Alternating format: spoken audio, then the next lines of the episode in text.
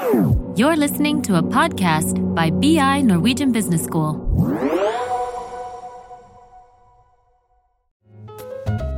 Det er litt variasjon i, i liksom hvor mye man klarer å ha baller i luften på en gang. Men det, Så heter det vi jo stretch, da. Vi klarer å strekkes. ja, ja, sant. Noen, som, noen av oss er ferdig strukket her før det. Skal bare da skyte inn at uh, Johan er nærmere to meter, og jeg er 1,60. Det er Roy Elvegård som ønsker velkommen til podkasten Salgsledelse, og i denne utgaven er da overskriften Digitale løsninger som mobiliserer virksomheter. En rimelig ambisiøs overskrift i dag. Og For å belyse prosessen med å mobilisere virksomheter, så har jeg da tre dedikerte mobiliseringsarkitekter fra firmaet Stretch Engage. Hjertelig velkommen, eh, Merete Solum. Du har tittelen Salesforce-konsulent med hovedfokus på markedsføring. Tusen takk. Og så har vi Kari Oppdal med tittelen enten co-pilot eller co-pilot. Hva foretrekker du, eh, Kari? Co-pilot. Co-pilot, ja. ja. Og så har vi Johan eh, Sårem. Eh, stemmer det at du har tittel daglig leder, eller er det direktør du nytter? Det lar jeg de som titulerer meg, bestemme, men nei, vi bruker daglig leder, da, eller det svenske, er et svensk konsern, så VD er det interne begrepet vi bruker. VD, ja. ja. Virksomhetsdirektør. Men daglig leder er fint, det. Daglig leder er fint, ja. Johan, jeg vil starte med deg, da, og stille deg et spørsmål, da. På websiden til Stretch Engage står det følgende Stretch Engage er en fin gjeng med erfarne og sertifiserte konsulenter og utviklere som realiserer løsninger på Salesforce-plattformen til, til store og små kunder i Norge. Og eh, jeg tenker for at lytterne skal få vite litt om eh, Stretch og Stretch-gruppen og Stretching Gate, så er det greit at vi får noen eh, utdypende ord om, om firmaet ditt. Ja, absolutt. Um, som du nevnte, så jobber vi jo med Salesforce. Det er jo vår eh, plattform. Vi er jo en av de fremste partnerne til Salesforce her i det norske markedet. Um, vi sier jo selv at vi hjelper våre kunder med deres digitale kundereise. Vi de har jo uh, kunder selv, uh, og som navnet vårt sier, så ønsker jo vi at våre kunder skal ha engasjerte kunder. Så våre konsulenter og våre tjenester er jo bygget opp på at vi skal sikre at våre kunder får det, da. Nettopp eh, engasjerte kunder, og som ønsker å både bli og bli værende som kunder av våre kunder. Og da mener vi at det finnes veldig få andre plattformer i verden som eh, legger seg så godt til rette da, for det som eh, Salesforce gjør, gjennom sine skyløsninger. Og så er vår oppgave å sørge for at de løsningene blir tilpasset eh, våre kunders behov, Uh, og vi skryter av at vi lager smarte uh, løsninger på Salesforce-plattformen, og, og hjelper de også med brukeradopsjon, sånn at vi sikrer at de tar i bruk løsningen, uh, og sånn sett skaper den kundeopplevelsen som de ønsker at deres kunder skal møte.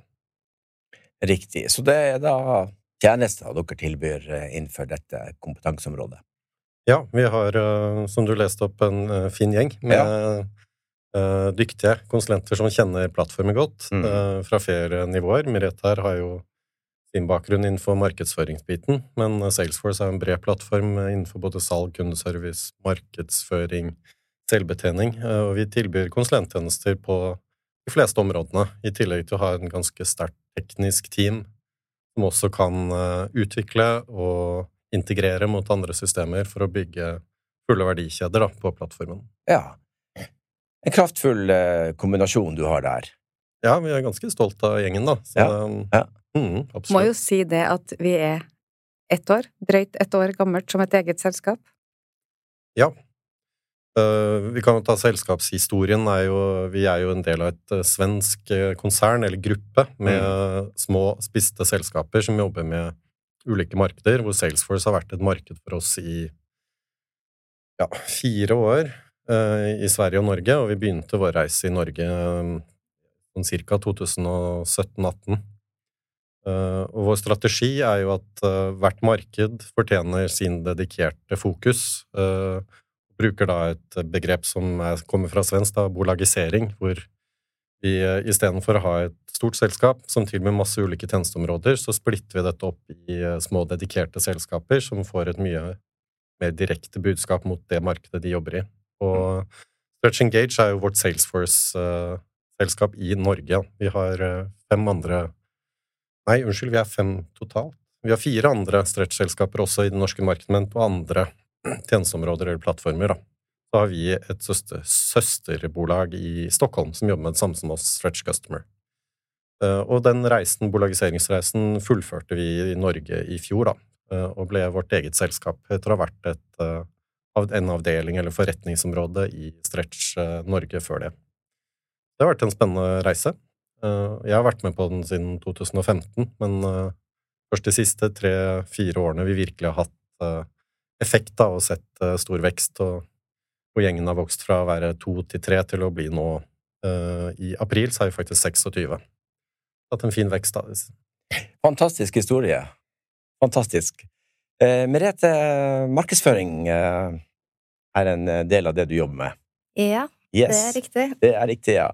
Og de fleste virksomheter er jo da avhengige av å markedsføre seg for at uh, potensielle kunder, jeg kaller det for potensielle kunder, skal bli interessert i uh, løsninger og kompetansen et firma har, og i dette tilfellet da Stretch Engage.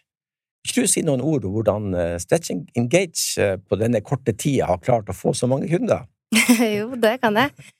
Eh, og det er jo flere faktorer som spiller inn her. Som Johan sa, så var vi del, vi er en del av et større konsern. Vi har dratt mye synergier fra det, og markedsført oss selv gjennom gruppens plattformer.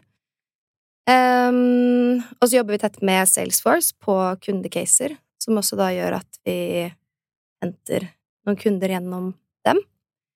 Um, men samtidig så er vi en gjeng med konsulenter som alle er ute i prosjekt. Så selve markedsføringsarbeidet internt hos oss har jo vært, og er fortsatt, en del sånn dugnadsarbeid, hvor eh, folk bidrar der de kan. Men vi ser jo nå også et større behov um, for å markedsføre oss uh, i, på en, på en annen grad, da. Så um, nå har det fokus fra, både fra konsernets side, men også internt i Stretch Engage, hvor vi skal jobbe mer med spisset markedsføring ut mot ulike bransjer. Uh, jobbe mer med kundecaser, uh, jobbe mer med referansecaser. Um, ja. Og det at vi er et lite og personlig selskap, og veldig sånn uformelle, egentlig. Det ønsker vi også å få fram gjennom kommunikasjonen vår, da, ut til potensielle kunder. Og bare eh, skyte inn nå at vi har faktisk jobba, begynt jobben med markedsplan i dag. I dag begynte vi med den. Så nå prøver vi å få på plass et årshjul og se på hvilke aktiviteter vi kan eh, komme ut med. Både til potensielle kunder, men også eksisterende kunder og prospects.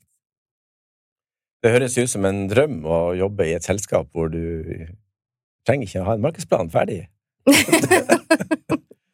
Nei, men jeg tror selskapet generelt kanskje kunne vært bedre på nettopp markedsplaner, da. Mm. Man tar den biten kanskje litt for gitt, og skjønner ikke helt hvor mye som kreves for å få til god markedsføring. Men nå ønsker vi å sette mer fokus på det hos oss. Så får vi se, da, om vi får noe effekt ut av det. Du, det er jeg sikker på at du gjør. Absolutt. Eh, Johan, tilbake til deg, da. Eh, når eh, virksomheter kommer da til Stretch, du har jo vært med fra begynnelsen, og de, så tenker jeg at de har jo ulike problemstillinger de har da, og utfordringer. Og hva, det, hva, tenker du er de vanligste utfordringene eller problemene som de ønsker løst hos dere? Ja, det er jo et uh, sammensatt svar på det, egentlig, men jeg tror de fleste nå, er, nå, er, vi jo to ulike kunder som kommer til oss, da. Uh, den ene er jo en kunde som ikke nødvendigvis har noe system og er på jakt etter å på en måte ta det første steget i sin digitaliseringsreise, kanskje etablere en salgsoperasjon eller kundeserviceoperasjon, eller liksom er i startgropen der. Det er ikke sikkert at de er i startgropen som selskap, men de er eh, ganske tidlig i modenhetsreisen sånn digitalt. Uh, mens den andre kundegruppen har kanskje lyst til å ta neste steg. De er ferdig med det, ønsker å få nye impulser. Ehm, det er jo, som vi nevnte, vi har jo flere partnere og konkurrenter i bransjen, og kunder bruker jo ofte ulike konsulentselskap i ulike stadier i reisen sin. Ehm, så av og til kommer vi inn eh, senere, da. Eh, og de to ulike kundetypene de har jo litt ulike spørsmål.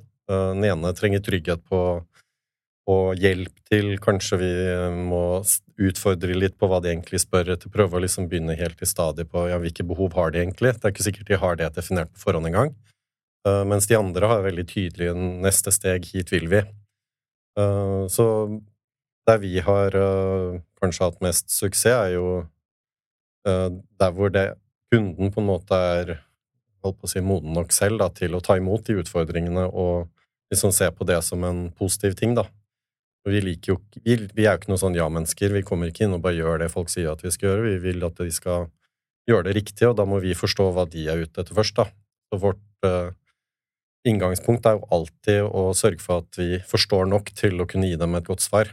Uh, ikke bare gi dem standardsvaret eller uh, komme med et eller annet pakkeferdig. vi kommer jo sikkert til å også tilby det etter hvert når vi vokser og har behov for å ha flere måter å møte enda flere typer kunder, men det er der vi har hatt størst suksess. da, Når det blir et partnerskap, et samarbeid, en, en type felles reise mot et mål. Mm. Mm. Jeg tenker jo ofte innenfor ja, for min egen erfaring at eh, kunden har ikke, er ikke bevisst, eller mye ubevisst, sine behov, da, i forhold til både digitale løsninger og eh, også strategier, da. Altså bare forståelse for Det er jo en fagkunnskap. Så eh, spennende.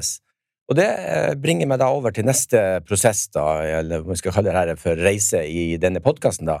Det at ok, nå vet vi ei problemstilling, og vi har kommet oss videre, og så er det dette med kravspesifikasjon. På min tid så hadde det noe som heter kravspesifikasjon, da. Og det brukte vi ganske lang tid på, og den måtte alltid endre seg underveis. da, Men det var en annen problemstilling. Merete, du har jobba en del med kravspesifikasjon, stemmer det? Ja. Yes. Så eh, hva tenker du er den største utfordringen? Hva er dine erfaringer når det gjelder da med å komme fram til, eh, komme i mål med en god eh, kravspesifikasjon? Det er jo mye av det samme som Johan snakker om, at eh, vi må få en fullstendig forståelse av kundens behov, ønsker, painpunkts, eh, og derfor setter vi av veldig mye tid til dette i oppstartsfasen, eh, sånn at vi er sikre på at vi begynner å bygge med de riktige klossene, mm. Eh, hvis man kan si det sånn. Eh, og vi ser jo at hvis ikke denne prosessen blir gjort riktig, så ender det jo med at man må gjøre ting på nytt. Det kan bli dyrt for oss, det kan bli dyrt for kunden. Eh, brukeradopsjonen kan bli problematisk. Eh, I verste fall kan jo kunden lete etter en ny partner som forstår dem bedre. Så hele den startfasen der er veldig viktig. Og så blir det jo vår oppgave videre da eh, å se på mulighetsbildet som finnes i plattformen, på bakgrunn av kundens eh, behov, samt å forventningsstyre kunden både i form av tidsperspektiv og hva som kreves både fra vår side, men også fra deres side i form av for eksempel ressurser og datagrunnlag osv. Og, mm. og det evnen til å ta beslutninger. Det mm. skal jo eies av kunden in mm. the end, og da må de eie de beslutningene som eh, kommer opp og må tas underveis. Da. Ja, så det er viktig at de er med på laget hele veien. Vi kan ikke sitte og lage ting for dem uten at de er med, da. Jeg vet ikke om du, du brukte ikke akkurat ordet, da, men det med forventningsstyring, at man uh, har et felles nivå på hvilken ambisjon man ønsker å nå, da, uh, til de ulike stadiene. Uh, og selv om man skal spesifisere på forhånd, skal man ikke gjøre det fullhendt. Man må også bli enige om at så, så, langt og så langt fremme i den kikkerten klarer vi å se, men resten må Den usikkerheten må vi også avstemme at alle er ensforent med at det er jo det er dit vi skal nå. Vi skal ja. bygge det skateboardet, eller vi skal, uh, mm. skal ikke gå rett på Ferrarien. Nei, så en kravspesifikasjon kan være en tentativ. Altså, så langt kan, kan vi bli enige om oss, og den siste biten må vi da Vi må komme dit før den siste biten kan lages. For å bruke fagspråk her, da. Vi, jo, vi, vi jobber agilt. Vi jobber eh, så hver dag, hver situasjon, mm. eh, heller enn en sånn langtidsplanlegging før vi i det hele tatt snakker med kunde. Ja. Så vi kommer ikke med noe ferdig lagd før vi møter kunden. Nei. Ikke som et hus at du liksom alt er designa, vinduer og dører, og du ser ikke liksom hele Men du ser kanskje en visjon, da. Ja, vi kommer med kompetanse, kunnskap, erfaring, og så hører vi på kunden. Mm. Så sitter vi jo tett på kunden også. Vi er jo som regel ute hos dem og sitter og jobber med de daglig. Riktig. Og da blir jo også veien til sammen, da. Mm. Mm. Men en måte å finne de kravene på er jo også ikke bare nødvendigvis kartlegge fra start, men også finne ut hva de ønsker å oppnå. Som du nevnte visjon, da. Det bør ikke være så svevende, men det kan være noe Ja, noen indikatorer på hva de ønsker å få Hvordan ønsker man å dokumentere at det var et vellykket prosjekt? Det å liksom gå fra begge sider når man kartlegger, og både ja, det gode norske ordet KPI, eller eh, ja, noen måleparametere som man Mm. kan ta utgangspunkt i, og, Mm. og også da nøye med løsningssiden og sikre at man ja, utnytter plattformen riktig, velger eh, si, beste praksis, og ikke går på liksom tvers av det som er anbefalt. Mm. Mm. Så både en teknisk og en forretningsmessig tilnærming, da. Et, et spørsmål som, eh, som ofte dukker opp da, det er eh, dette med kontrakt. Eh, Kommer den inn der, eller kommer den senere? Den kommer inn kanskje før der òg, men Før der også, ja. Mm. det er jo ikke alltid like lett. Det kommer litt an på hva slags type kunde man jobber mot, og hvilken Mm. bransje. Det har litt ulike, ulike oppsett, da. Men der vi jobber, så har vi veldig ofte ganske god kall agilitet, eller smidighet i kontrakten også, Mm. og, og klarer å bli enige om hvordan vi gjør det. Mm. Og like kontinuerlig gjøre avstemningen på den typen ting løpende som løsning. Uh, Men det er av og til man også blir tvunget til å ta noen antakelser kommersielt som Mm. ja, setter noen rammer, da. Men um, Nei, vi prøver å styre ganske tight på, på det, sånn at det er like, ikke usikkert, men eh, at det er mulig å endre seg underveis, sånn at man Mm. ikke blir sittende med en stor regning eller uh, eh, ikke får det man betaler for. Den typen ting er mye lettere å kontrollere hvis man sammen er enige om at det kan endre seg underveis. Da er vi tilbake til det, litt det du sa, at du må ha, Kari, at du må ha, litt- du må ha mot, du må tørre å ta noen beslutninger. Mm. Det er alltid en risiko. Absolutt. Jeg må bare si, skyte inn det også. Vi er jo et, et lite selskap, 25-26 stykker. Eh, har en veldig flat struktur. Ja, vi har en sjef som sitter på, ved siden av meg her, men vi er veldig flat. Vi jobber veldig eh, smidig, også med kundene våre i forhold til kontrakt, forhandlingsfase. Eh, vi, vi tar ikke betalt for det vi ikke gjør. Altså, noen har jo fast pris eller sier at dette her tar 50 timer, og da fakturerer de 50 timer Mm. hos oss, så vi fakturerer den jobben som gjøres. Jeg, jeg, mener, jeg føler at vi bygger veldig tillit i måten vi jobber på også fra starten av, fra kontraktsida, fra innsalget før kontrakt.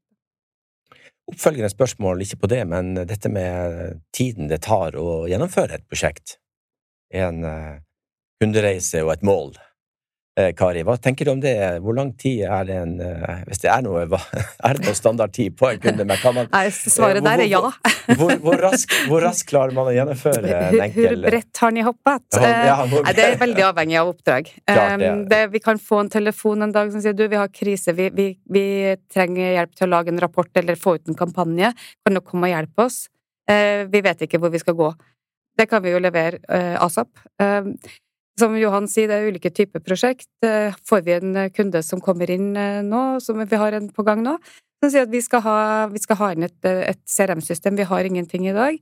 Eh, Og så har vi planlegg om å legge på flere og flere eh, moduler, flere og flere avdelinger og roller skal på. Da kan det dreie seg om et eh, treårsprosjekt. Eller vi kan få en kunde som sier at vi trenger en supportavtale eller en utviklingsavtale. Vet ikke helt når sluttdatoen blir, avhengig av hvor godt vi jobber sammen, hva vi får ut av det. Så det er vanskelig å si et tall på eh, hvor lang tid et samarbeid kan ta. Mm, mm. Og i denne prosessen, i kundereisen Jeg, jeg liker ordet kjøpsprosessen, da. Mm. Men kundereisen er jo der, da. Det er ikke alle kunder som opplever det som en reise. Tvert imot. Det er slit og tårer, liksom. Så, så hvilken eh, kompetanse tenker du, sånn som du jobber da, i alle fall, Kari, er er viktig da i denne kundereisen og i, i prosessen med å, å forstå kunden og avdekke behov, da, som jeg ofte kaller for salgsprosess? Altså, jeg, jeg liker å si at vi trenger Vi har noen eh, kjerneverdier i Stretch, som er å være nysgjerrig, å lytte og være resultatorientert. Eh, Og det tenker jeg er en det kompetanseområder som vi trenger i møte med kunden. Eh, Relasjonskompetanse, eh, lytte, forstå kundens behov, forstå kunden, hva de ønsker å oppnå, hvilket resultat de ønsker å komme til. Eh, Vær ærlig, også når vi ser at dette her er kanskje Du har et, eh, en antagelse, vi tror ikke det er riktig.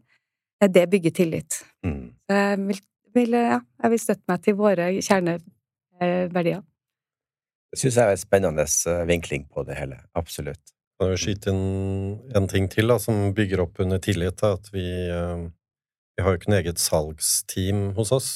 Så de som gjør jobben helt fra start, er jo også de samme som kunden vil møte i prosjektet senere. Mm. Eh, Så det er veldig viktig for oss i hvert fall å få introdusert de personene som skal være del av prosjektet, for hverandre så tidlig som mulig, bare for å avdekke ja, om det faktisk er mulighet til å bygge den tilliten, og at eh, vi, selvfølgelig Mm. får vist hvor de flinke konsulentene de får i sitt team, da, men Mm. eh, sånn man også tidlig kan endre på det hvis det er feil, feil teamsammensetning. Um, Jeg tror vi skiller oss fra en del andre konkurrenter. Det er sånn what you see is what you get-approachen vår, versus det å ha et pre-sales-team. Ja, jeg tror det er faktisk en, eh, en for oss, da, en bra tilnærming. Ja. Og så glemte jeg jo å si, selvsagt så må du ha kompetanse. Det er jo erfaring, du kan, men det hører du med en gang når du begynner å diskutere. Mm. Hvis vi sitter der uten kompetanse, så blir vi avkledd ganske fort. ja, Helt klart. Jeg tenker bare metodikken for å Jeg mener, det å stille åpne spørsmål, for eksempel. Det tenker jeg er et Mm. grunnleggende eh, Mm. kompetanseområde. Ja, forstå altså, hva er det dere ønsker å Mm. oppnå her. Mm. Avsjekke om vi, er, altså, vi forstår hverandre. Mm. Eh, Hvor vil du hen? Eh, Ja, absolutt åpne spørsmål. Få egentlig kunden til å prate og Mm. fortelle hvor de er er hen. Hva er problemområdene i dag? Hva er målsettingene? Og komme i gang eh, derfra, og komme med gode råd, da. Ja. ja. Det er klart. Så vi sier jo det hele tida. Vi jobber jo tett med våre partnere, men, vi er jo kunden sin eh, eh, venn, altså. Det, vi er på kundens parti hele veien. Mm. Johan, jeg går videre til deg, da. Eh, nå er da tjenesten levert med brask og bram og hornmusikk, og jobben er gjort. Så lurer jeg på, i hvilken grad vil Stretch være involvert i etterkant? Ja, selvfølgelig så mye som mulig. Nei da. eh, vi, har jo et eh, mantra om at eh, når vi snakker om god brukeradopsjon, så betyr ikke det bare at eh, brukerne som skal sitte og jobbe i systemet, får en god produksjon, men vi, vi har jo også lyst til at de skal kunne ta over så mye av løsningen som mulig, og, og videreutvikle den uten å nødvendigvis være avhengig av eh, å ringe oss hver gang de har et problem. Um, som jo, det er jo hyggelig, det, men da vil vi heller være med som en partner i, i det videre utviklingsarbeidet. Og et prosjekt er jo som regel bare starten på en reise som uh, kan uh, pågå lenge. Vi har uh, mange kunder i dag hvor vi har lange og tette og gode relasjoner bygget opp over tid. som jo er et mål for oss, selvfølgelig, men samtidig så hjelper vi jo disse kundene å bygge opp sine egne team, så nå sitter vi jo veldig sjelden og er leveranse. Vi sitter som en del av kundens eh, gruppering, egen, hvor de har egne ansatte, hvor de tar over mer og mer av kompetansen, bygger selv, og vi støtter den prosessen for ikke bare for å, å holde på å si at vi skal komme, kunne komme oss ut og så komme oss videre på neste morsomme prosjekt, men for det er jo viktig for dem å lykkes og ha eierskap, da. Eh, Så jeg vil si det er jo hovedmålet vårt, å gjøre kunden til eksperten og kunne ta det videre selv, og ikke minst bli enda bedre til å bestille eh, nye ting fra oss. Eh, at vi liker jo at folk vet hva de vil ha, og, og da må man kunne litt om sine egne prosesser og, og vite hvor man vil selv, da, for å kunne også vite hva, hva de skal bestille av oss. Det er en vinn-vinn for oss, da, å ha kunder som kan sine egne løsninger godt. Mm, mm. Jeg tenker jo ofte at uh, altså teknologi er jo i en rask utvikling. At det krever på en måte, om ikke kontinuerlig oppfølging, så hyppig oppfølging. Absolutt. Slik at eh, dere er med, kommer, kommer inn uansett da, på, Mm. på noen tidspunkt, at kunden antagelig vil ha en kontrakt på noe sånt. Ja, i flere tilfeller så stemmer jo det, og i andre tilfeller så kanskje de heller har lyst til å eie det mer og mer selv, og, og, men da vet de forhåpentligvis hvem de skal ringe da, når de står fast, Ja. Eh, og så tar man det heller litt sånn løpende. Um, vi har jo et søsterbolag her i, um, i Oslo som jobber med, med den type prosesser og sørger for at virksomhetene kan ta imot og justere seg, endre seg, Mm. eh, når de tar imot eller eh, iverksetter nye digitale løsninger. Eh, og endringsledelse er jo veldig viktig inn i det her. Å gjøre kunden i stand til også å skjønne hvorfor, hvorfor dette er viktig, ikke bare at det er noen som kjøper en ny løsning. Så der samarbeider vi jo tett med Stretch Accelerate, som både kurser og, og, og, konsulterer kunder i det å bli profesjonelle i, i det å endre organisasjonen. Mm. Uh, som Uten det så ville vi jo heller ikke klart å oppnå brukeradopsjon. Da. Så det er en veldig viktig del av det uh, arbeidet. Um, og da, da vet du jo også hva som skal til for å lykkes neste gang. Og så blir det en prosjekt enda bedre, da. Mm, mm. En annen ting jeg har lært, eh, jeg har jo vært i Stretch Engage nå i halvannet år, og det er eh, supportarbeidet, eller altså det veldig mange kaller drift, da. Eh, tidligere så har det vært en sånn skjellsord eh, eh, i de selskapene jeg har jobba, det er kjedelig. Det, er ikke der du vil jobbe. Eh, I Stretch så, så ser vi på drift som en mulighet til videreutvikling. Vi har flere kunder hvor vi sitter, altså som Johan sier, vi sitter sammen med dem, ser på hvordan jeg har første runde gått, hva kan vi gjøre bedre, hva kan vi gjøre enda mer av? Det kan være perioder som er litt mer eh, daglig eh, oppdatering, enkle ting, men, det er der virkelig du kan få de beste resultatene. Ikke ved en førstegangsimplementering, førstegangsstart, men der du virkelig begynner å videreutvikle det med kompetanse om bedriften og hva som er mulig, da. Det er utrolig spennende, altså. Ja, Der fikk vi en del innblikk i uh, hva som skjer etter at uh, leveransen er levert. Merete, da kommer jeg inn, på et tema for deg, da. Ja, sikkert dere andre også, da, men kanskje Merete vil svare på det, da. jeg tenker jo det at de tekniske løsningene er, er såpass tekniske at man krever en spesialist, da. Det krever en spesialist, og da kommer du inn, da. Hva, hva er de klassiske utfordringene når, det, når de tekniske blir eh, store, litt, litt, litt, for store utfordringer for en kunde? Hva er de klassiske utfordringene som, som de møter da? Nei, nå kan jeg bare snakke fra egen erfaring. Um, men en ting vi ofte ser, er at uh, når de implementerer en stor plattform sånn som Salesforce, så skjønner man plutselig at man trenger litt andre ressurser i selskapet. Uh, for eksempel en teknisk ressurs, da som uh, kan eh, jobbe aktivt i systemet, men også videreutvikle det. Som også har, snakker samme språk som konsulentene. For du har jo ofte ansatte som har vært i selskaper, i hvert fall i større selskaper, vært der i mange, mange, mange år, og vært vant til helt andre, andre system. Mm. Så det er jo en utfordring. Og så er det jo det som Johan og Kari var inne på her, med brukeradopsjon, som kan være utfordrende for mange ser at ledelsen har tatt en avgjørelse om at nå skal vi bytte plattform, vi skal over på Salesforce. Eh, men så har du ansatte som er vant til å jobbe på helt andre måter. De har hatt sine egne systemer som de kanskje har Eller måter å jobbe på i kanskje 20 år. Um, og da det å få med seg de ansatte på den endringen eh, er utfordrende for veldig mange selskaper, og det ser vi hos flere av våre kunder. Eh, og så er det også noen som føler at Salesforce blir et slags sånn overvåknings- og rapporteringsverktøy i stedet for et verktøy de kan jobbe aktivt i, som på en måte vil gjøre deres arbeidshverdag lettere. Så der kommer jo kommer det inn igjen, da, brukeradopsjon, og at ledelsen faktisk får med seg de ansatte på, på den reisen der. Um, men så kommer jo også an på, liksom Det er jo ikke sånn at fordi du implementerer Salesforce, så er du nødt til å ansette masse nye mennesker. Det kommer jo helt an på selskapets størrelse og, og ambisjonsnivået.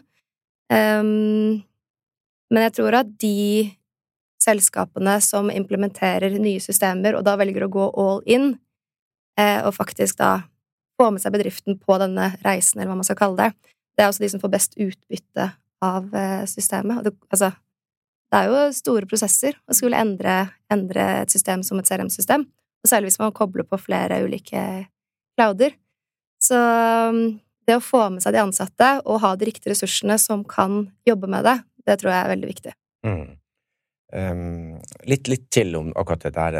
En, en god del um, kanskje ja, De som ikke har bakgrunn for teknologi, de tenker jo i apper. Altså en app, og en app det klarer vi alle å sette oss inn i, det er jo nokså enkelt å forstå, da.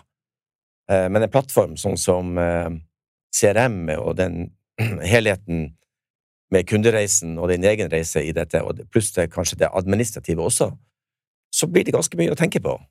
Uh, vil du si at, eller, eller, hva vil du si om i forhold til da Salesforce? Klarer de å gjøre det slik at kunden opplever det som en app, en app altså i, i brukervennlighet? da, At, at uh, Krever det ekstra mye av en bruker å bruke Salesforce kontra en vanlig app?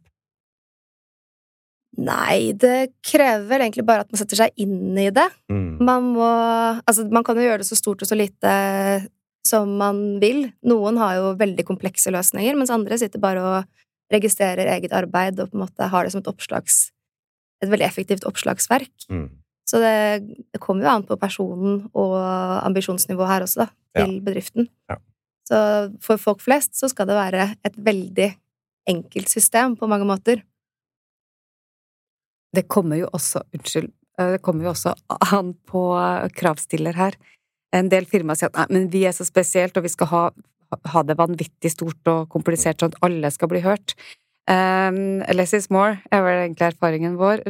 Lag det enkelt og greit for brukerne til å begynne med. Kom i gang.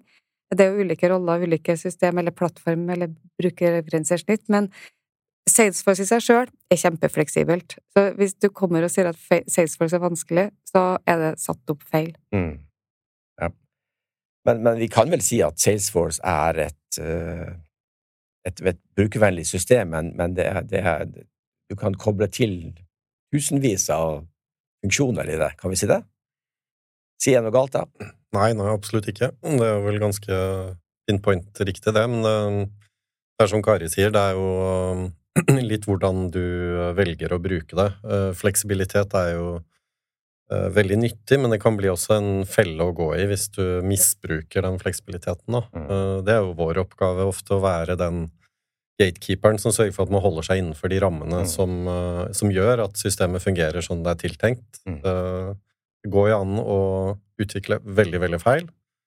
Eh, og der, der er det jo selvfølgelig ja mange eksempler som både er gode eksempler og dårligere eksempler på, på det som også fører til brukeradopsjonsutfordringer og andre ting som, som vi har sett. Vi har vært borte i steder hvor de har vært nødt til å liksom slette hele Salesforce og begynne på nytt i nye orger, og det er mange sånne skrekkhistorier. Men Mm.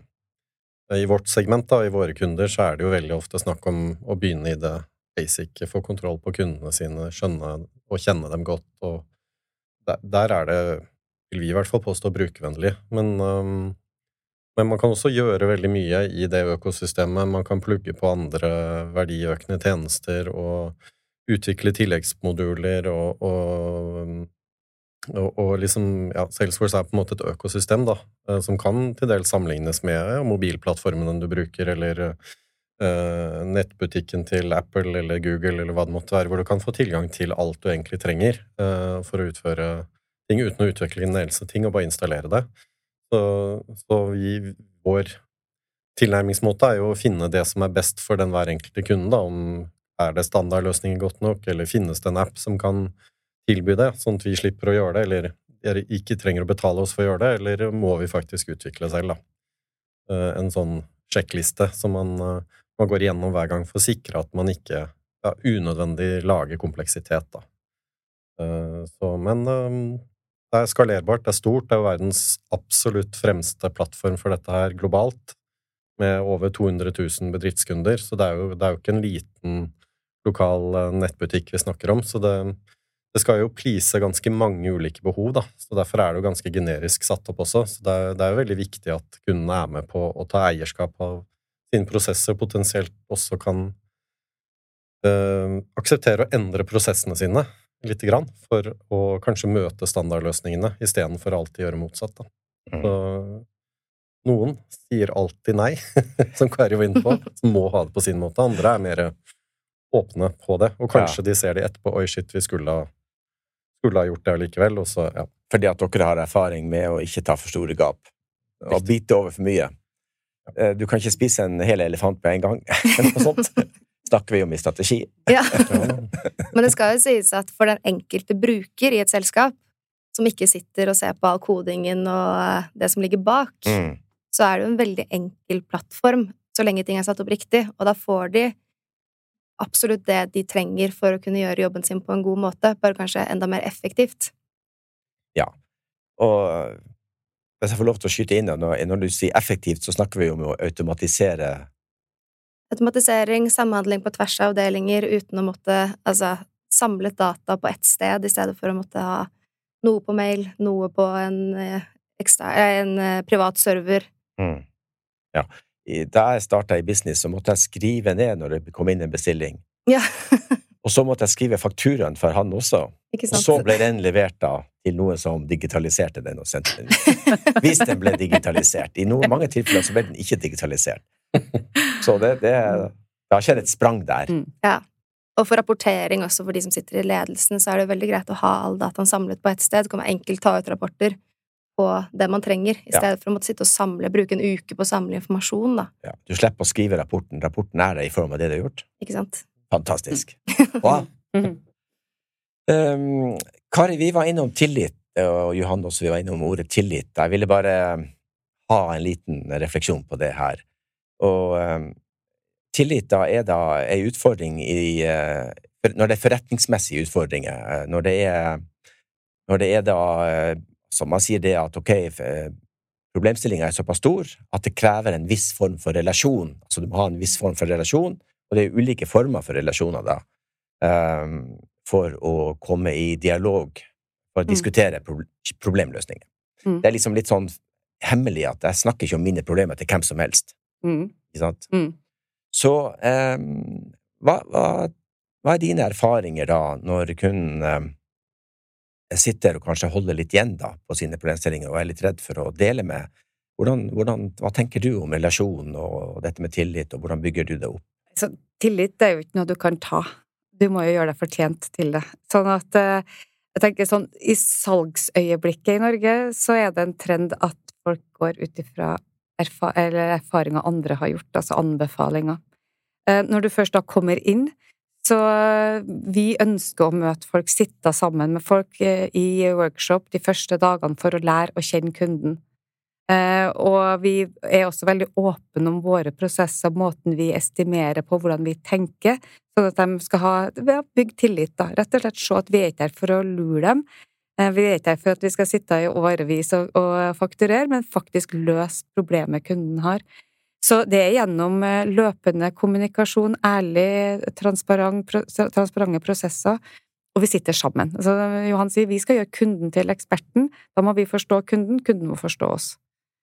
Det er en, det er en prosess å bli prosess, kjent, ja. og da er det vi, som sagt personlig. Her er personlig. Up close and personal. Mm. Vi må være til stede sammen med kunden. jeg, jeg tenker, I mange tilfeller så snakker du kanskje med en, en leder da, som, som sitter og, og teller eh, Han teller ikke penger, men han er forsiktig med kostnadene. Mm. Um, og i noen tilfeller så er det kanskje den Men det kommer i etterkant av den tekniske relasjonen, da. Altså du har en økonomisk relasjon, så har du en teknisk relasjon, så har du en sosial relasjon. Mm. Uh, men du sier jo at det blir personlig, eh, at det blir eh, Vi må bli kjent, men, kjent. men vi har innsalgsprosesser hvor kundene er jo redd. Altså, dette, det er jo en stor investering. Det er det.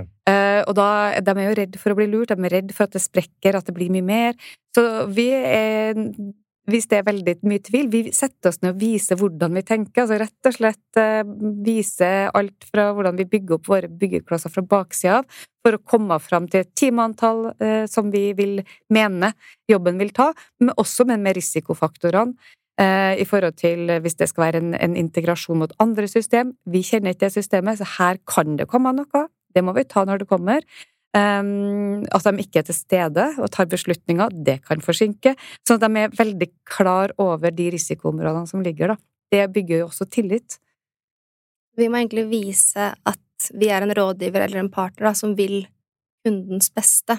Mm. Vi er ikke interessert i å overfakturere dem eller sørge for at de får masse, masse clouder som de ikke trenger. Vi ønsker kundens beste. Mm. Mm. Så, så vår markedsføring går egentlig på å gjøre våre kunder til eksperter, til å bli gode, få gode resultat ut av de jobbene vi gjør, og så får vi anbefalinger, får vi dem til å anbefale videre. Mobilisere til konkurransedyktige. ok, vi må ha noen pitcher her. Johan, har du noe eh, erfaring du har jo det, da. eh, Masse erfaring med, med dette med relasjon og tillit. Eh, Hva, hva tenker du om det? Nei, jeg tror i hvert fall i Norge så er jo Karin på at uh, hele forretnings... Altså businessen er jo basert på at man kjenner noen, og så veldig mye er basert på liksom referanser eller ah, 'nå må prøve, han er dritdyktig', eller noe sånt, da. Mm. Uh, og, og sånn er det jo, dessverre. Og kjenner man de rette, så er, har man kanskje det fortrinnet som gjør at du kommer vinnende ut av uh, den konkurransen, eller får det prosjektet, eller kanskje det ikke er noen konkurranse igjen, for de bare stoler på hverandre. Så nei, kjør med stretch, de er uh, gode, liksom. Um, så vi er jo veldig heldige sånn sett og har eh, godt nettverk gjennom å ha konsulenter som har erfaring med inn, nettverk med inn. Eh, vi snakker via kundene våre. Vi får jo eh, gode referanser fra de kundene hvor vi leverer bra. Får henvendelser via Salesforce som en viktig partner, og, og mye av jobben går jo på å bygge det nettverket større og få de relasjonene til å jobbe sammen med oss for å nå våre mål. Um, og, og det, det er jo holdt på å si en kunst i seg selv å, å, få til det. Når vi lykkes i noen grad. Hos den andre så er, vi ikke, så er det andre som har det nettverket, så man møter jo selvfølgelig begge sider av den Mm. uh, i, i de ulike casene vi jobber med. Så, men sånn er det i Norge. Det er eh, kanskje litt nordisk, tror jeg. Uh, hvis man kommer til Danmark, er jo egentlig Norden det òg, da. Men Danmark er veldig forskjellig fra Norge og Sverige der. Kontinentet og USA så er det jo helt annerledes. Så, Mm. så det, men det er jo å lære seg den der eh, norsk-svenske måten. Det er sånn man driver business. Ja. Jeg tror det kommer til å være sånn en god stund til også. Det, Mm. det er veldig viktig. Og og så tenker jeg et oppfølgende spørsmål på dette. Hvis jeg snur det da, og så sier det at ja, men eh, Stretch ønsker jo også, Stretch Engage ønsker jo også å unngå økonomiske tap, og at det kan være spekulasjon fra kunder at de eh, utnytter eh, kunns, kunns, kunnskap og kompetanse. Og hvordan eh, jobber Stretch Engage for å unngå at de lider noe tap? At kundene våre lider tap, eller at vi Nei, at Stretch Engage ikke lider noe tap. Ja, altså, det er jo ikke så lett å svare direkte på det. Vi, vi prøver å være så proaktive som mulig og sørge for at det ikke skjer. det er vår plan A. Jobbe så tett med kundene at sånne ting oppdager vi lenge før det der blir en problemstilling som vi behøver å forholde oss til. Eh, Og hvis det skjer, så prøver vi å ha en like transparent og åpen dialog eh, og prøve å finne ut av det sammen. Om det er eh, snakk om å, å kompensere for noe som de mener vi har gjort, eller ja, Nei, det er dialog, da, og, og, og sørge for at uh, Det viktigste for oss er jo ikke nødvendigvis å unngå tap for enhver pris, det er jo for å sikre at uh, våre kunder blir fornøyd. Uh, uh, og da, ja, selvfølgelig avhengig av hvor strategisk viktig vi mener en sånn dialog er, så, Mm. så bruker vi de ressursene vi trenger for å, å sørge for at det blir resultatet. Nå er vi veldig heldige i dag og sluppet unna de verste sånne type konflikter, men Mm. Uh, Og jeg føler at vi gjør den gode jobben gjennom at konsulentene våre er ordentlige og redelige i, i hverdagen sin, eh, og, og at vi tar sånne ting på forhånd. Så, Ja. så er, det er det som er løsningen, egentlig. Ja, en ting er jo sånn som covid nå, som har medført en del konkurser, så da er det jo i hvert fall ikke overlagt uh, Nei, nei. kriminalitet ute og går. Men uh, jeg har jo sjøl erfaring at jeg har tapt på, på overlagt kriminalitet, uh, for å si det sånn. Nei, altså, ja, covid i seg selv var jo selvfølgelig en uh, stor bekymring, eller Det viste seg jo fort at vi hadde en veldig fin miks av kunder da, når vi gikk inn i den perioden. Så for oss, vi var jo superheldige med tanke på hvor vi sto, i hvilken bransje vi var. Vi jobbet mye innenfor den digitale sfæren, hvor våre kunder også var i den digitale sfæren. Og der blomstret jo egentlig bransjen istedenfor å gå ned. Eh, Vi hadde en kjempeplan om å gå inn i hotell- og restaurantbransjen rett før covid, for vi fikk en ansatt som hadde erfaringer derfra, og satt liksom og tegnet strategien for det ja, 6. mars eller noe sånt.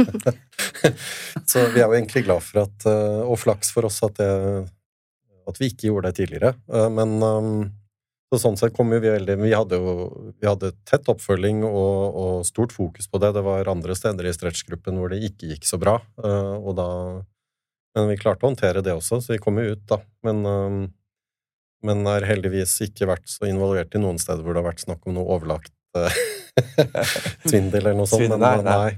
nei. Så, så bra, da. Ja, nei, nei, absolutt. Gratulerer. Men det er viktig det du sier med at eh, vi passer på å alltid ha flere ben å stå på også. Vi legger ikke alt inn i én bransje eller én bedrift, for den saks skyld. Mm. Prøver å ha være litt fordelt utover, da. Yes. På godt og vondt, egentlig. Ja. Ja, ja, ja. Det betyr jo at mange konsulenter er litt i strekk mellom litt forskjellige kundeengasjementer, og, og kan være utfordrende å ha fokus på én ting på en gang, osv. Ja. Samtidig så gir det jo mye erfaring, da, og man kan trekke synergier da, fra en kunde. En kundes utfordringer kan jo være finne løsningen hos en annen kunde. Så jeg ser på det som Mm. også som en fordel, da. Ja, absolutt. Det er jeg også, men uh, det det er litt variasjon i, i liksom hvor mye man klarer å ha baller i luften på en gang. Men det, Så det heter er vi jo stretch, da. Så vi klarer å strekkes. Ja, har sett noen, som, noen av oss som er ferdig strukket. Jeg føler jeg ikke så mye lenger. Jeg. Skal bare da skyte inn at uh, Johan er nærmere to meter, og er 1,60. Ja da, han har strekka seg. Det, det er veldig bra. Um, Kari, et lite, ikke et lite spørsmål, et ganske uh, sentralt spørsmål. Uh, og det er dette med forhandlinger da, og kontrakter. Og så er jo I mange tilfeller så er det uformelle forhandlinger eh, hvor man da signerer en kontrakt egentlig uten at man har vært uenig om noe, men, men ofte så er det en del punkter som skal på plass. og så jeg lurer rett og slett på hva er de vanligste forhandlingspunktene, hvis det er noen hvis, hvis dere ikke er så dyktige at dere unngår forhandlinger? Altså, når vi skriver kontrakt Vi har ikke veldig mange kontraktsløp. Vi er, som sagt, vi er et flat struktur, vi jobber lint, vi prøver å ha Vi gjør det enkelt å være kunde også. Eh, Vi har en, eh, en eh, basiskontrakt, veldig enkel, ehm, og de, det viktigste Altså, der er det ved oppstart, eventuelt hvis det er større prosjekt med et samme kunde. De viktigste forhandlingspunktene, vil jeg si, da må jo Jan korrekt korrigere meg, men det er vel på timepris og omfang. Riktig. Men da, husk at når vi kommer til det punktet at vi skal skrive kontrakt, så har vi gjort en stor innsalgsrunde først, som regel. Ja, og det er jo det jeg oppfatter at eh, i denne kundereisen Mm. så, så gjør dere veldig mange strategiske grep og, og, og delforhandler, eller Mm. delsetter opp. Mm. Jeg vil si det. Og vi presenterer teamet, de skjønner hvem de skal jobbe med, hvilken kompetanse som står. Så jeg må bare innrømme at jeg tror at på mine halvannet år, hvor jeg jobber ganske mye med kontrakter, så tror jeg egentlig ikke at det har vært noe særlig forhandling. Nei.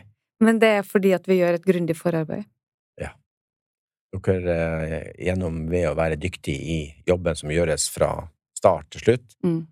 så er det ikke behov for noe Man, man, man kommer utenom uenigheter. Er en formalitet. Ja. Jeg, jeg tror noe av forhandlingen egentlig havner inn i å sette ambisjonsnivået, da, for hva man sammen ønsker å oppnå, eh, og liksom få åpnet den tanken om at dette er bare første steg på et litt lengre samarbeid.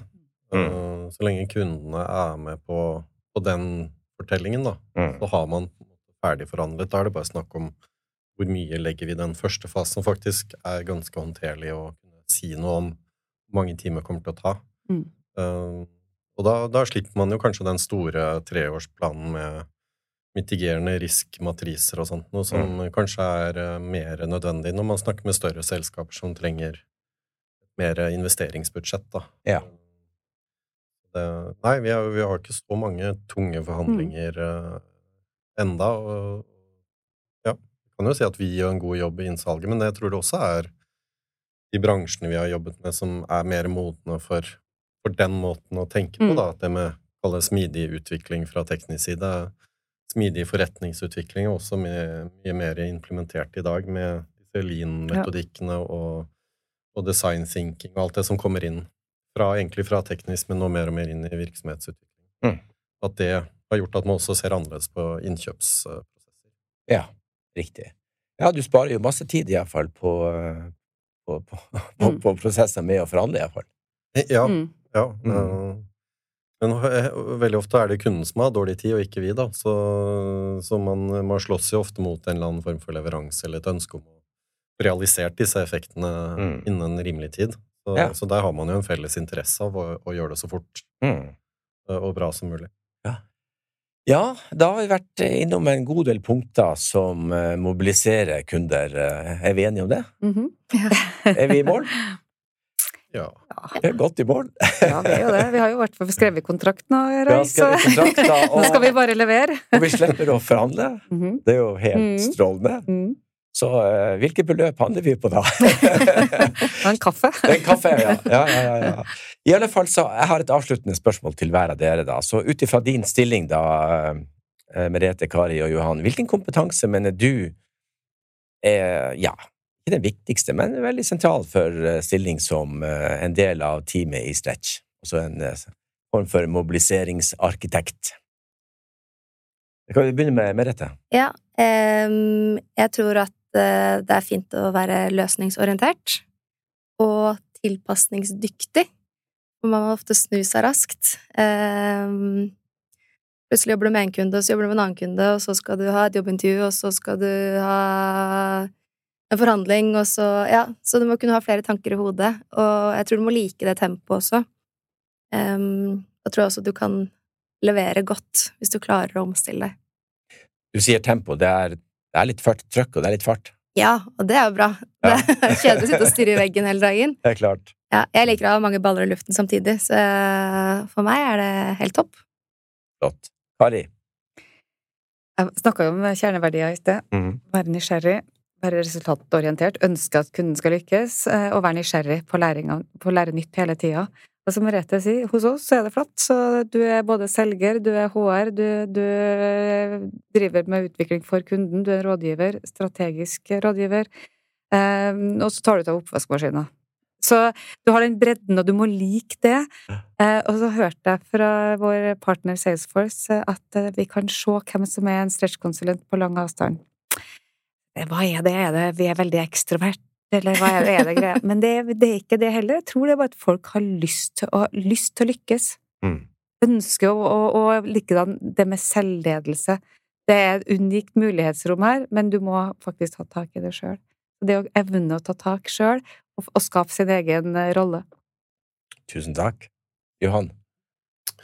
Ja, men jeg kan vel bare si takk for eh, Nei, men eh, jeg tror veldig mye av det er Kan jo summeres opp i Grunnen til at jeg begynte i Stretch, var jo fordi eh,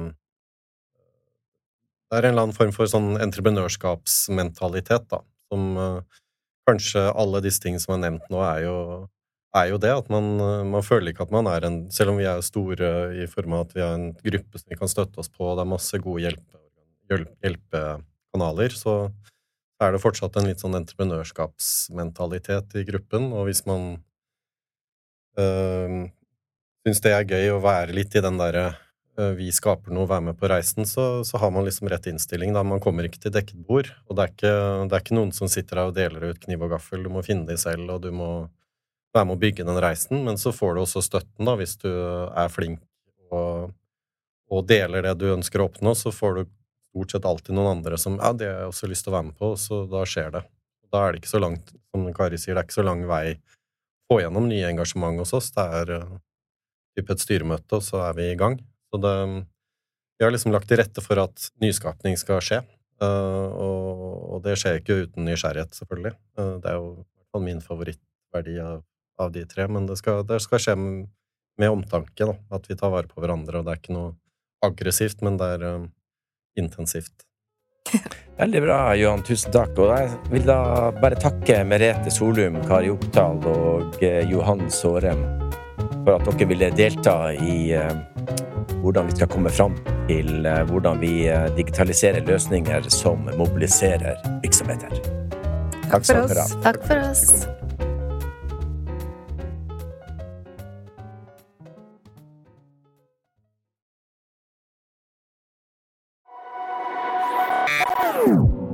This is a BI production. Listen to more podcasts.